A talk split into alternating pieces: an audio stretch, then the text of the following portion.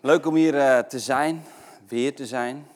De, misschien eh, hebben jullie me hier nog niet gezien, dat zou heel goed kunnen. Dat je ergens anders was. Ik geloof dat ik vorig jaar iets later in het jaar was, maart was het geloof ik. En eh, dat ik hier voor het eerst was. En ik heb ook de indruk dat er toen meer schilderijen hingen, maar dat kan mijn verbeelding zijn. Daar hing volgens mij nog iets. Zou het kunnen? Verandert het vaak?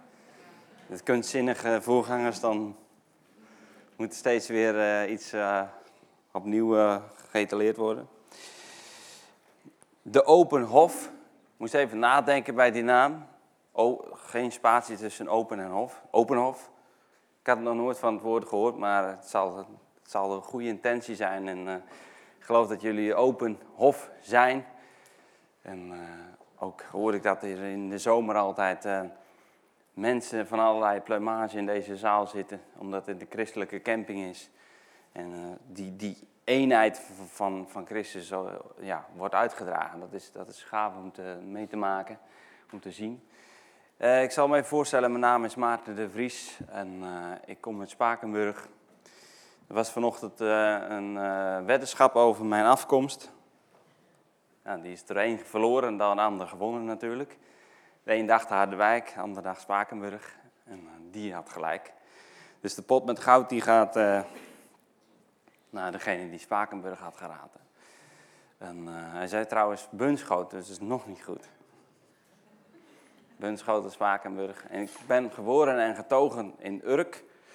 Dus het, om het nog ingewikkelder te maken. En ik voelde me daar gelijk thuis. Ik zie daar ook brood en vis, geloof ik. Of zie ik, ja, dus ik voel me hier thuis. Vis. Ik kijk er zo recht tegenaan. Heerlijk om eh, te zien. Ehm, nou, ik, eh, wat kan ik nog meer zeggen? Ik ben getrouwd. En, eh, mijn vrouw die, is niet meegekomen. Oh.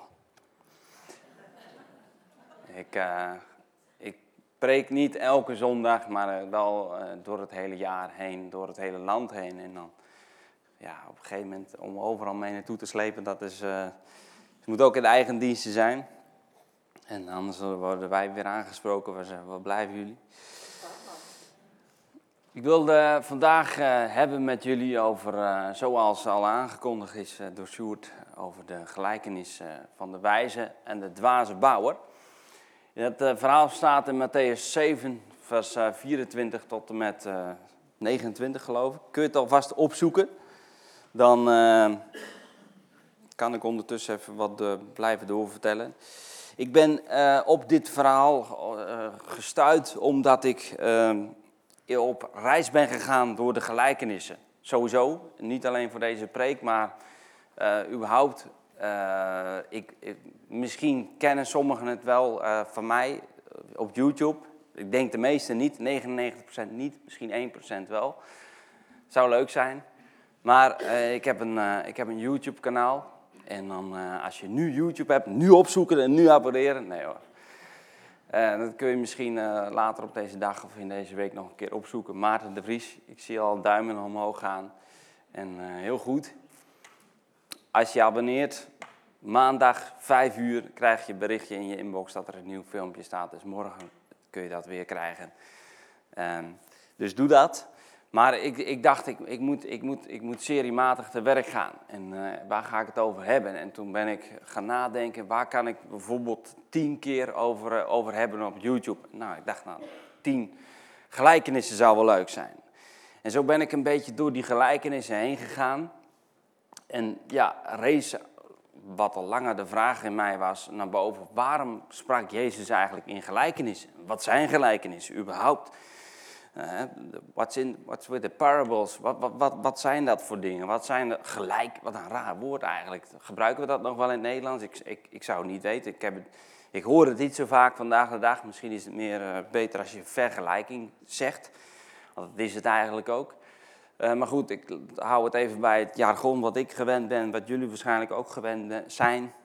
En dat is het woord gelijkenissen. En, en Jezus sprak in gelijkenissen.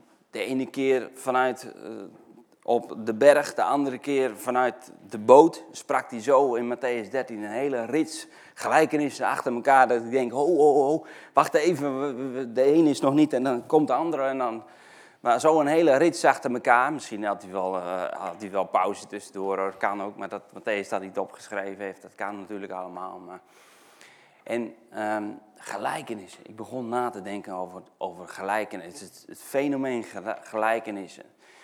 En traditioneel gezien uh, heb ik eigenlijk altijd gehoord uh, dat gelijkenissen zijn bedoeld om, uh, om dingen in het dagelijks leven, in dit geval graankorrels, boten, netten, kandelaar. Hij had het over dingen in het dagelijks leven, olielampen, om dingen van het koninkrijk van God duidelijk te maken. Maar als je iets duidelijk wil maken, dan spreek je in beeldtaal en dan leg je dat uit. Dan zeg je, nou, eh, het is als een zee, de zee is als, uh, als mensen. Maar hij vertelde de gelijkenis, als je goed oplet, in de context een beetje, vanuit de boot vaak, naar de massa mensen op het strand. En dan later, dan strekken zijn discipelen aan zijn mouw, meneer, of meneer, nou, dat zullen ze niet hebben gezegd, maar meester, wat bedoelt u nou eigenlijk met dat visnet? Leg ons de gelijkenis van de zaaier uit. Leg ons gelijkenis van dit uit. Kennelijk gaf Jezus de uitleg niet van de gelijkenis aan de grote massa. Dus uh, als het uh, al tegen mij altijd gezegd is dat het een verduidelijking is, het was juist een veronduidelijking van het koninkrijk van God. Want hij legde de gelijkenis niet uit. Kijk, wij hebben de uitleg omdat we de luxe hebben dat we door kunnen lezen. Dat is later opgeschreven. Maar in het moment, in de heat of the moment, legde hij het niet uit. Hij zei alleen, het gelijkenis, het koninkrijk van God is gelijk aan dit. En dan had hij het over parels en over weet ik veel allemaal. En dan zei hij niet, de parel staat hiervoor en het olie staat daarvoor en zus en zo. Dat zei hij tegen zijn discipelen, tegen de mensen in het koninkrijk al. En hij zei ook, zijn mensen, zijn vrienden, zijn, zijn leerlingen vroeger ook, deze, stelde dezezelfde vraag ook die ik vandaag de dag ook heb. Waarom preekt u in gelijkenissen? Met andere woorden, u kunt ook gewoon ronduit vertellen waar het om draait. En de oude profeten in het Oude Testament schijnen dat al voorspeld hebben. Hij zegt, uh, zoals, de, zoals de profeet al zei, dat, dat ik in raadselen moet spreken. En dat ik niet ronduit tot het volk kan spreken. Jullie is het de geheimenissen van het koninkrijk gegeven. Uh, degenen die al binnen zijn, die krijgen nog meer. En degenen die niets hebben, die wordt het ook nog eens afgenomen. Die wordt de uitleg ook nog eens ontnomen. Nou, klinkt oneerlijk, maar Jezus is Jezus. En ik vertrouw erop dat hij eh, eerlijk is en dat hij rechtvaardig is. En ik ben gaan nadenken, waarom, waarom deed hij het eigenlijk? Waarom, waarom zei hij niet gewoon ronduit waarom, waarover het gaat? Nou, en ik meen zelf dus volgende conclusie te hebben getrokken dat hij als het ware een soort drempel op wilde leggen voor de mensen, een soort filterwerking wil hebben voor als hij het verhaal voor de grote massa vertelt, dat hij s'avonds een, een, een, een bonkende Nicodemus aan zijn deur krijgt, die nieuwsgierig genoeg was om s'avonds naar Jezus toe te komen en hem daar dan in privé de uitleg te geven, zodat hij de mensen overhield Gooi geen parels voor de zwijnen, zegt Jezus zelf, zodat hij de mensen overhield die het waard waren, die nieuwsgierig genoeg waren, die hongerig genoeg waren, om verder de geheimenissen van het koninkrijk uit te leggen. Zo hield hij kleine mensen over waar hij veel meer impact in kon maken, omdat zij het konden dragen. Zij waren degene die een besluit hadden genomen, ik moet bij deze Jezus zijn. Ik wil in dat koninkrijk zijn. En aan hen legde hij het wel uit. Dus hij sprak eerst in gelijkenissen als een soort van ja, raadsels, uh, zinnenbeelden, zonder dat uit te leggen. Als je het lef had en als je over die drempel heen wilde stappen, achter de gelijkenissen, dan kwam je naar Jezus toe en dan kreeg je de uitleg te horen en dan kwam je in het koninkrijk van God. Dat, dat was de scheiding die hij aanbracht. Hij bracht een soort drempel aan van jongens, het is niet vrijblijvend, maar je moet er moeite voor doen. Je moet er genoeg honger voor hebben. Je moet er genoeg nieuwsgierig, genoeg geprikkeld zijn om de uitleg te weten te komen. En dan kun je bij mij komen en dan gaan we met je verder. En dan gaan we het koninkrijk bouwen. Maar als je dat niet hebt, dan kun je het waarschijnlijk nog niet aan. En dat is een soort tweedeling die hij aanbracht. Nou, en dit verhaal is eigenlijk soort semi-gelijkenis, kwam ik eigenlijk achteraf pas achter. Dus ik had het niet gelijkenis moeten noemen, want hij integreert als het ware de uitleg gelijk in het verhaal. Dus je kan het een gelijkenis noemen, je kan het uh, anders noemen, geen idee. Uh, noem het zoals je het noemen wil. Noem het voor gemak even gelijkenis. En die staat, uh, zoals jullie al keurig netjes zijn opgevoed, hebben opgezocht in Matthäus 7. Ik heb het zelf nog niet eens opgezocht. En dat wil ik even met jullie lezen. Vers 24 begin ik. even kijken. En, en, en we zien dat, ik had al gezegd, het is een soort uitleg gelijkertijd met de gelijkenis in. Dus niet het klassieke rijtje van gelijkenissen. we zien dat die ook staat te midden van de eh, zogenaamde um, zaligsprekingen. Dus dat zijn principes van het koninkrijk die die uitlegt. Dus aan, aan de, de, de, gevorderde mensen die op woensdagavond terugkomen, die, die, die, die willen weten van hoe zit het nou? Dat zijn de, de, going deep, de, die graven nog een, een tandje dieper. En dan zegt hij het volgende. Uh, wie deze woorden van mij hoort en ernaar handelt, kan vergeleken worden met een verstandig man die zijn huis bouwde op een rots. Toen het begon te regenen en de bergstromen zwollen en de stormen opstaken en het huis van alle kanten belaagd werd, stortte het niet in, want het was gefundeerd op een rots. En wie deze woorden van mij hoort en er niet naar handelt, kan vergeleken worden met een onnadenkende man en die zijn, huis, die zijn huis bouwde op het zand. Toen het begon te regenen en de bergstomen zwollen en de stormen, en de stormen opstaken en er van alle kanten op het huis werd ingebeukt, stortte het in. En er bleef alleen een ruïne over. Toen Jezus deze reden had uitgesproken, waren de mensen diep onder de indruk van zijn onderricht. Want hij sprak hen toe al, niet als een. Uh, wacht even. Want hij sprak hen toe als iemand met gezag en niet zoals de schriftgeleerden. Uh, punt. Tot zover. Ik uh, leek alsof het een komma was, maar het was een punt. Gelijkenis van de wijze en de dwaze bouwer. Ik heb het voorgelezen uit de MBV. Uh, ik ben zelf met de Statenvertaling opgegroeid en soms valt bij mij dat eerder in de Statenvertaling, maar ik vind het leuker om het om het verschil te zien, want dan moet je in één keer opletten. Dan denk je, oh wacht, dat ben ik zo niet gewend. En dan, ga je, dan kijk je er beter naar en dan in één keer word je scherper. Dus af en toe wissel ik dat een beetje af, dat houdt mezelf ook scherp.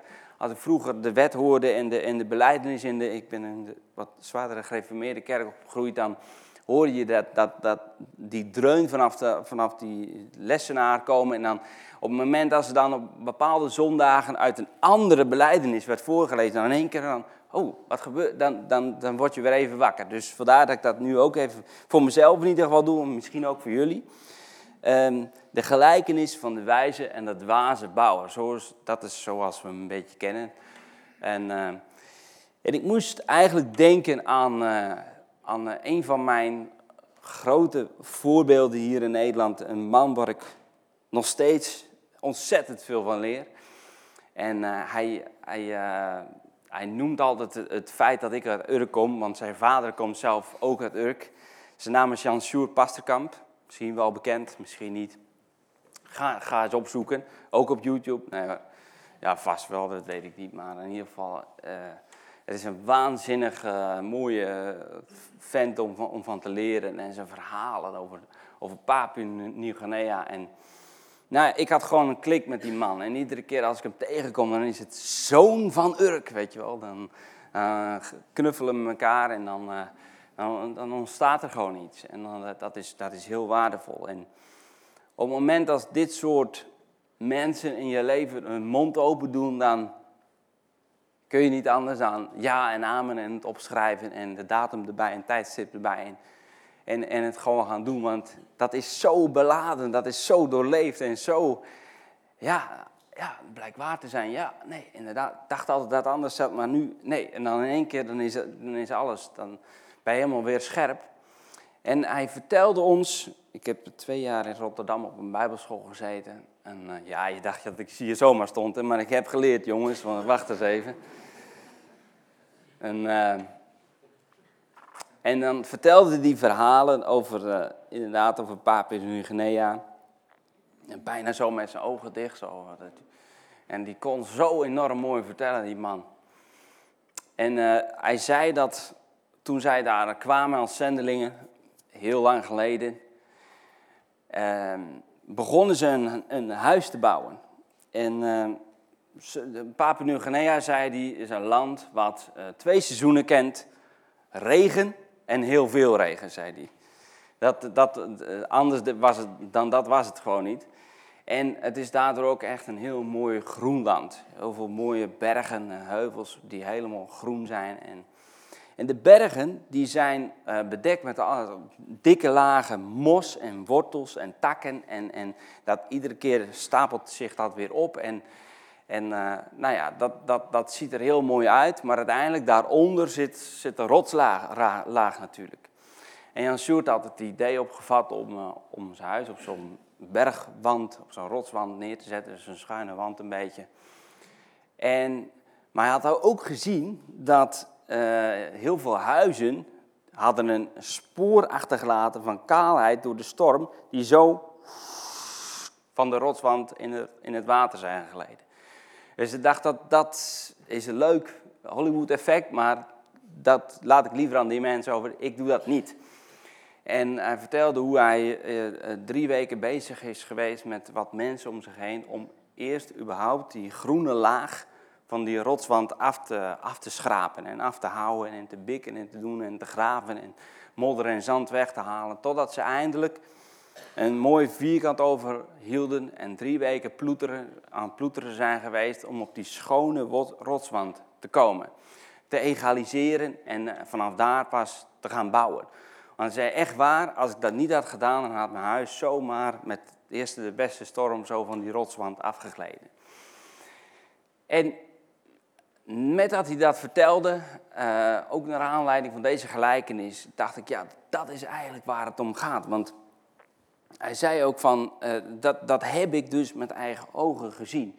En, en hier in Nederland kunnen we misschien niet zo goed voorstellen, maar dat is ongeveer misschien wat Jezus heeft bedoeld bij het vertellen van deze gelijkenis. En ik, ik ben aan het nagaan denken ook uh, over deze gelijkenis. Wat, wat zou het nou kunnen betekenen? Wat zou de betekenis nou kunnen zijn? Hè? De, uh, we zien een rots voorbij komen, we zien slagregen voorbij komen, we zien uh, zand voorbij komen, we zien een wijze en een dwaze bouw voorbij komen. Kun je allemaal op inzoomen en een geestelijke betekenis ervan opzoeken in de concordantie en, en weet ik veel wat hulpmiddelen je allemaal hebt. Uh, ga dat doen, ga dat beleven, zou ik zeggen. Uh, doorgaans zien we door de Bijbel heen dat de rots is Jezus. En dat is natuurlijk een mooie gedachte en dat, dat is ook zo. Ik bedoel, Paulus zegt zelf van de mensen in Israël in de woestijn dat uh, de rots die met hem meeging, dat was Christus. De rots die met hem meeging, dat is ook apart. Een rots die zich verplaatst. Staat nergens in de Bijbel overigens. Dat haalt hij niet uit de Bijbel, dat haalt hij uit de Talmud. Daar staat het wel omschreven, dus kennelijk hechtte hij daar waarde aan. Uh, maar de rots is Christus, zegt hij. En op andere plekken, de rots in de Bijbel, dat is Christus. Maar ik geloof in deze gelijkenis, is de rots, uh, hoe goed het ook klinkt, niet Jezus. Omdat Jezus zegt, wie deze woorden horen en ernaar handelen, die is te vergelijken met een man die zijn huis op de rots bouwt. Dus als je, kijk, als je wijs en verstandig bent, bouw je je leven natuurlijk op Jezus. Dat is logisch. Maar je hoeft daar niet voor een, een schep te pakken en een bijtel en drie weken door die, door die groene troep te, te ploeteren om, om op Jezus te kunnen bouwen. Want dat is, dat is in, één klap gebeurd. Als jij je zonde beleidt, als jij gelooft in, in Hem als, als Messias, als Verlosser, dan is het recht tussen jou en God. Maar wat Jezus hier eigenlijk zegt, is eigenlijk meer wat later de apostel Jacobus eigenlijk zegt. Als, dat gaan we nu lezen hoor, maar als uh, geloof zonder werken is dood. Als je het gelooft, als je het hoort en je handelt er niet naar, dan is het dood.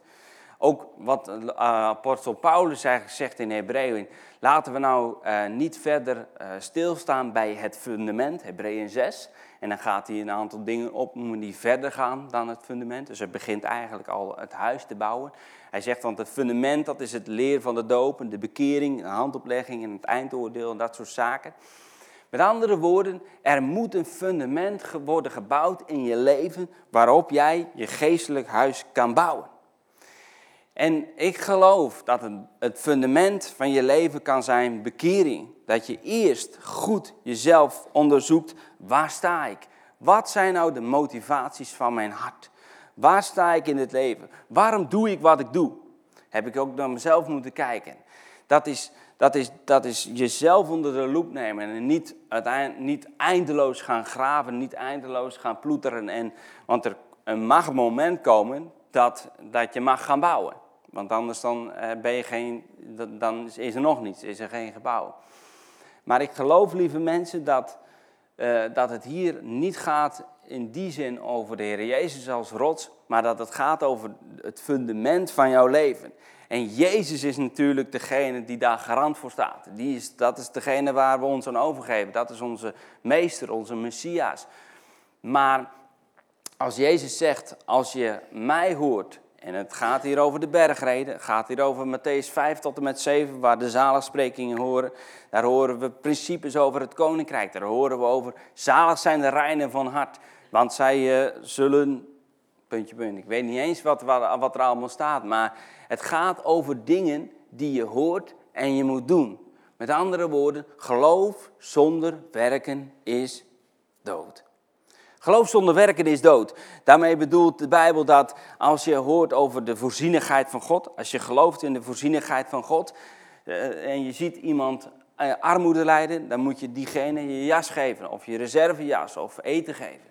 Dan geloof je, laat je zien dat je eh, gelooft in de voorzienigheid van God. Geloof zonder werken is dood. Als je gelooft in genezing en je, je, je praat er alleen maar over terwijl iemand ziek is, en je diegene niet bijroept en zegt van hé, hey, ik geloof in genezing, ja, dan kun je zeggen dat je, dat je in genezing gelooft, maar dan zegt de Bijbel, dan geloof je het eigenlijk niet. Dan is het nergens op gefundeerd, want geloof zonder actie is ook dood. Dus aan de ene kant is het dat je een voedselbank op gaat starten en laat zien dat, je, hè, dat, dat werken en geloof hand in hand gaan. Maar aan de andere kant ook dat het geloof is gebaseerd op jouw acties. Dus, dus als jij gelooft dat iets werkt, dan laat je zien dat het, dat het zo werkt. Dat je, als je gelooft, net als Petrus die in de boot zit, dat het water jou kan houden, dan hou je het er niet bij door te zeggen, jongens, ik geloof dat het water me gaat houden. En dan lachen ze je uit. Nee, Petrus moest over die rand van die boot heen stappen. Hij deed niet eerst zo, op het water om te voelen of het wel hard genoeg was, want dan kan iedereen erop staan. Dat, dat is geen geloof. Nee, geloof is iets doen wat er nog niet is, maar op het moment als je het doet, dan komt het. Snap je het verschil? Dus dat is die geloof en actie aan elkaar koppelen. We geloven dat we op het water kunnen lopen, op het woord van Jezus. Het moet wel een woord van Jezus zijn, anders zijn we dwaas. Gaan we handelen, stappen we over die reling heen, we hadden in ons natuurboek kunnen kijken. Ja, water kan ons niet houden, maar dat blijft even goed waar. Maar op het moment, als ik in geloof uitstap, dan in één keer komt God erin en dan kan alles. Maar er is dus een spanningsbrug tussen het moment dat je het gelooft en het moment dat het gebeurt. En die boog moet jij met geloof overspannen. En dat is wat de Bijbel noemt geloof en werken die hand in hand gaan. En ik geloof dat het ook zo is met, met, met, met als Jezus zegt, wie mijn woorden hoort en er niet naar handelt, wordt vergeleken met een dwaze bouwer. En degene die er wel naar handelt, wordt vergeleken met een wijze bouwer. Want als je er naar handelt, laat je zien dat je het woord van Jezus serieus neemt. En als je er niet naar handelt, ja, dan kun je zeggen wat je wil. Dan kun je naamplaatjes op je, op je auto hebben met kruisjes en dingetjes, op, allemaal mooi. Maar uiteindelijk moet je laten zien dat je het woord van Jezus bloed en bloed serieus neemt door er naar te handelen, door het te doen. Als hij zegt dat alle dingen mogelijk is, moet je zo leven alsof alle dingen mogelijk zijn. Als hij zegt dat we voor de armen moeten zorgen, moeten we voor de armen zorgen. Dan, dan nemen we dat woord serieus, mensen. En dat is wat ik geloof, wat Jezus wil zeggen met de, met de gelijkenis van de wijze en de dwaze bouwer. Ook gaat het over over goed zelfonderzoek.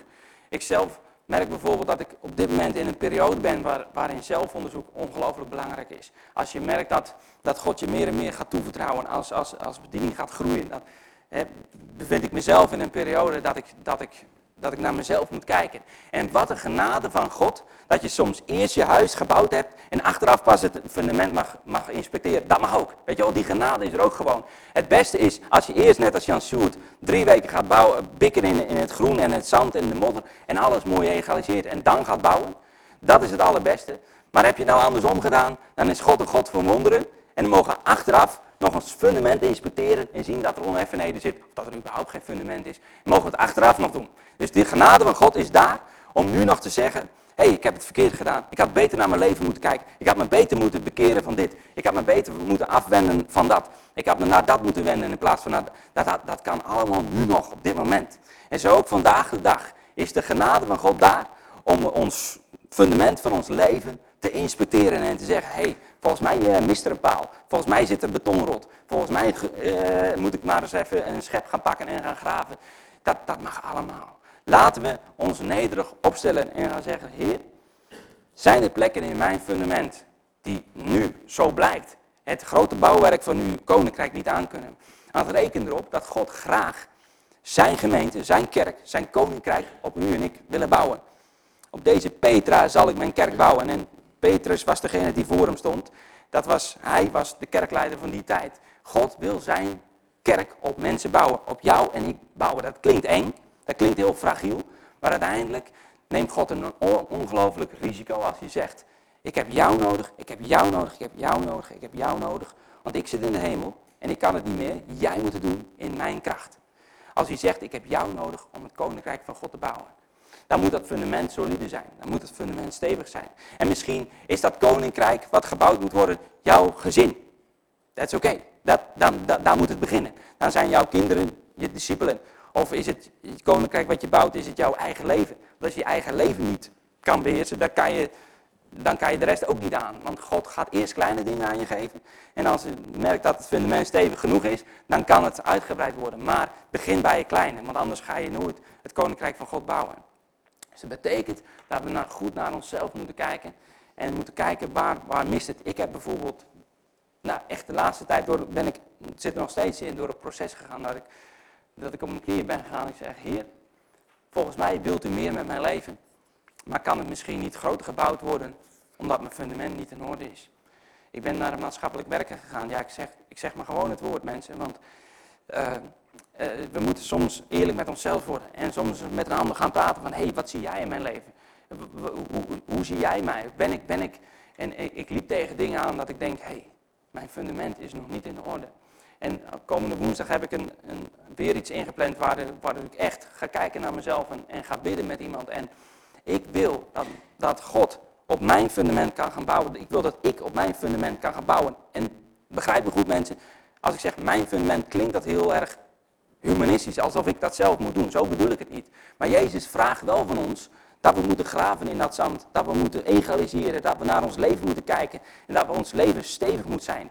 Want als er stormen komen, als er dan dingen in je leven komen waar wie heftig zijn, dat we dan niet omwaaien. Want Jezus wil graag dat we overeind blijven staan. Dat we, dat we misschien het zij beschadigd, maar dat we heel uit de storm uh, terugkomen, zodat we nog meer en meer op hem kunnen gaan lijken. Want dat is die karaktervorming die plaats gaat vinden.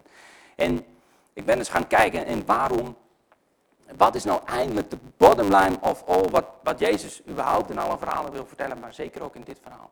Het zijn de motivaties van ons hart, mensen. Als de motivaties goed zijn, is het fundament goed. Als de motivatie niet goed is, is het, is het fundament zo wankelbaar als het kan. En kan die niet op ons bouwen. Als ik hier sta omdat ik graag gezien wil worden, omdat ik belangrijk gevoeld wil worden, omdat ik aardig gevonden wil worden in mijn leven of in mijn bediening, dan is mijn fundament niet stevig genoeg. Dan is het misschien überhaupt nog geen fundament. Dan is het niet goed. Dan zijn de, dan zijn de motivaties, mijn hartsmotivaties zijn niet oké. Dan moet ik eens goed naar mezelf gaan kijken. Zijn er dingen in mijn leven waarvan ik zeg, hé, hey, dat is nog niet in orde. Daar moet nog aan gespijkerd worden. Dat mist misschien nog wel. Ik moet nog wat langer gaan graven en nog meer de tijd nemen met God om, om vooruit te kunnen. En eigenlijk wil ik, wil ik eigenlijk niet heel lang preken vandaag, maar wil ik gewoon een oproep doen. Mensen, kijk eens goed naar je eigen leven. Ga eens, en dat is geen, uh, het is geen veroordeling en, en, ik, ik heb het wel in orde en jullie niet. volgens mij is het misschien wel andersom, dat zou ook nog kunnen. Maar uh, ga eens kijken naar je eigen leven. wat zijn de momenten dat, waar ik steeds weer in terugval? Wat zijn de momenten dat, waar ik steeds weer tegenaan loop? Wat zijn de momenten in die zware storm dat ik ben, dat ik ben afgehaakt? Dat ik, dat ik geslagen op de bank ben gaan zitten en niet meer verder ben gegaan? Als je dat eens goed gaat bekijken, waar lag dat aan? Was je fundament wel goed? Waren de motivaties om, om, om door te gaan wel oké? Was dat wel zuiver? Jezus heeft het over zalig zijn de reinen van hart. De reinen van hart zijn diegenen, niet degenen die zonder zonde zijn, maar dat zijn diegenen die zuiver durven zijn over hun emoties. Zuiver durven te zijn over het feit dat, dat ze zwak zijn. Zuiver durven te zijn over het feit dat ze God nodig hebben. Zuiver durven te zijn dat ze nog onderweg zijn. En, en, en die, zijn, die, zijn, die zijn rein in hun hart. Maar die, die hebben een juist fundament, omdat ze weten op wie ze moeten bouwen. Dat ze weten wie ze nodig hebben. Kijk, Christus komt evengoed wel voorbij. Dat, dat is niet helemaal, als hij in dit verhaal niet de rots is, is het wel degene met wie je samen gaat bouwen. Met wie je samen dat fundament gaat leggen. En ik wil jullie uitdagen om eens de tijd te nemen. Dat kan straks, dat kan nu, dat kan thuis. Om de Heilige Geest uit te nodigen en te zeggen, hey, zijn er palen in mijn fundament? Zijn er, ligt er überhaupt geen fundament? Ben ik maar wat gaan bouwen in mijn leven? Zijn er nog zwakke plekken? Zijn, is er betonrot? Is er, zijn er dingen in het fundament wat, wat gewoon niet... Het moet gewapend beton zijn, het moet steviger, wat niet in orde is. Zijn de motivaties in mijn hart nog oké? Zijn de dingen die ik doe vanuit de juiste houding? Zijn de dingen die ik doe vanuit de juiste motivatie? Zijn de dingen in mijn leven die ik op moet ruimen, zodat ik verder kan?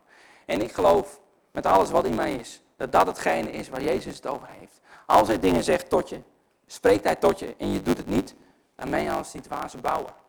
Maar als, je dingen, als hij dingen tot je spreekt, en hij spreekt mensen, want we zijn schapen van zijn kudde en de schapen horen zijn stem. Maar als, als je denkt, ik hoor zijn stem niet, dan moet je dus het volgende nagaan. Zou het dan kunnen zijn dat ik zijn stem niet wil horen, omdat het misschien confronterend is, omdat het misschien een opdracht is die ik niet durf uit te voeren, omdat het gaat over iets dat ik weg moet doen uit mijn leven, wat ik liever wil houden. Ga daar eens naar luisteren, ga daar eens eerlijk op de Heilige Geest afstemmen. Hé, hey, wat zijn de dingen, want het gaat hier over het koninkrijk van God, wat gebouwd moet worden. Dat moet gebouwd worden op, op een stevig fundament.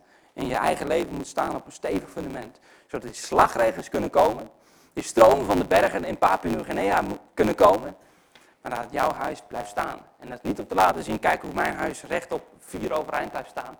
Maar dat is omdat het, omdat het zeer noodzakelijk is dat er mensen in deze tijd moeten zijn. Die niet wankelen of wijken van het woord van God. Die niet wankelen als er iets over, van kritiek over zich heen komt. Die gewoon voor de zaak van God blijven gaan tot het einde van de tijd, tot het einde van diens leven. En die een voorbeeld zullen zijn voor ons en voor onze volgende generatie. Ik wil de Heilige Geest op dit moment uitnodigen en, en vragen, Heilige Geest, wilt u komen met, met uw kracht en wilt u komen met uw openbaringen om te laten zien wat het is, wat, het, wat nog niet in orde is in ons leven. Wilt u laten zien, Heilige Geest, de zwakke plekken in ons, in ons fundament. En Heilige Geest, we willen ook vragen of u ons, uh, ja Heer, wilt u ons vergeven als we maar zijn gaan bouwen op het zand. Heer, het huis ziet er prachtig uit. En uh, het was misschien met de beste bedoelingen, maar er ligt geen fundament onder. Heilige Geest, ook dan is er ruimte, mensen, dan is er ruimte om dat fundament achteraf nog te bouwen. Dat is de genade van God. En Heilige Geest, wilt u ons dat laten zien? In welke mate we daarin aan de slag moeten. Misschien is al wel klaar, dat zou ook kunnen. Als het klaar is, is het klaar. Dan, dan mogen we bouwen en mogen die vrijmoedigheid nemen. Maar wilt u ons leiden zodat wij die dwaze, eh, die eh, wijze bouwer zullen zijn. In Jezus' naam, amen.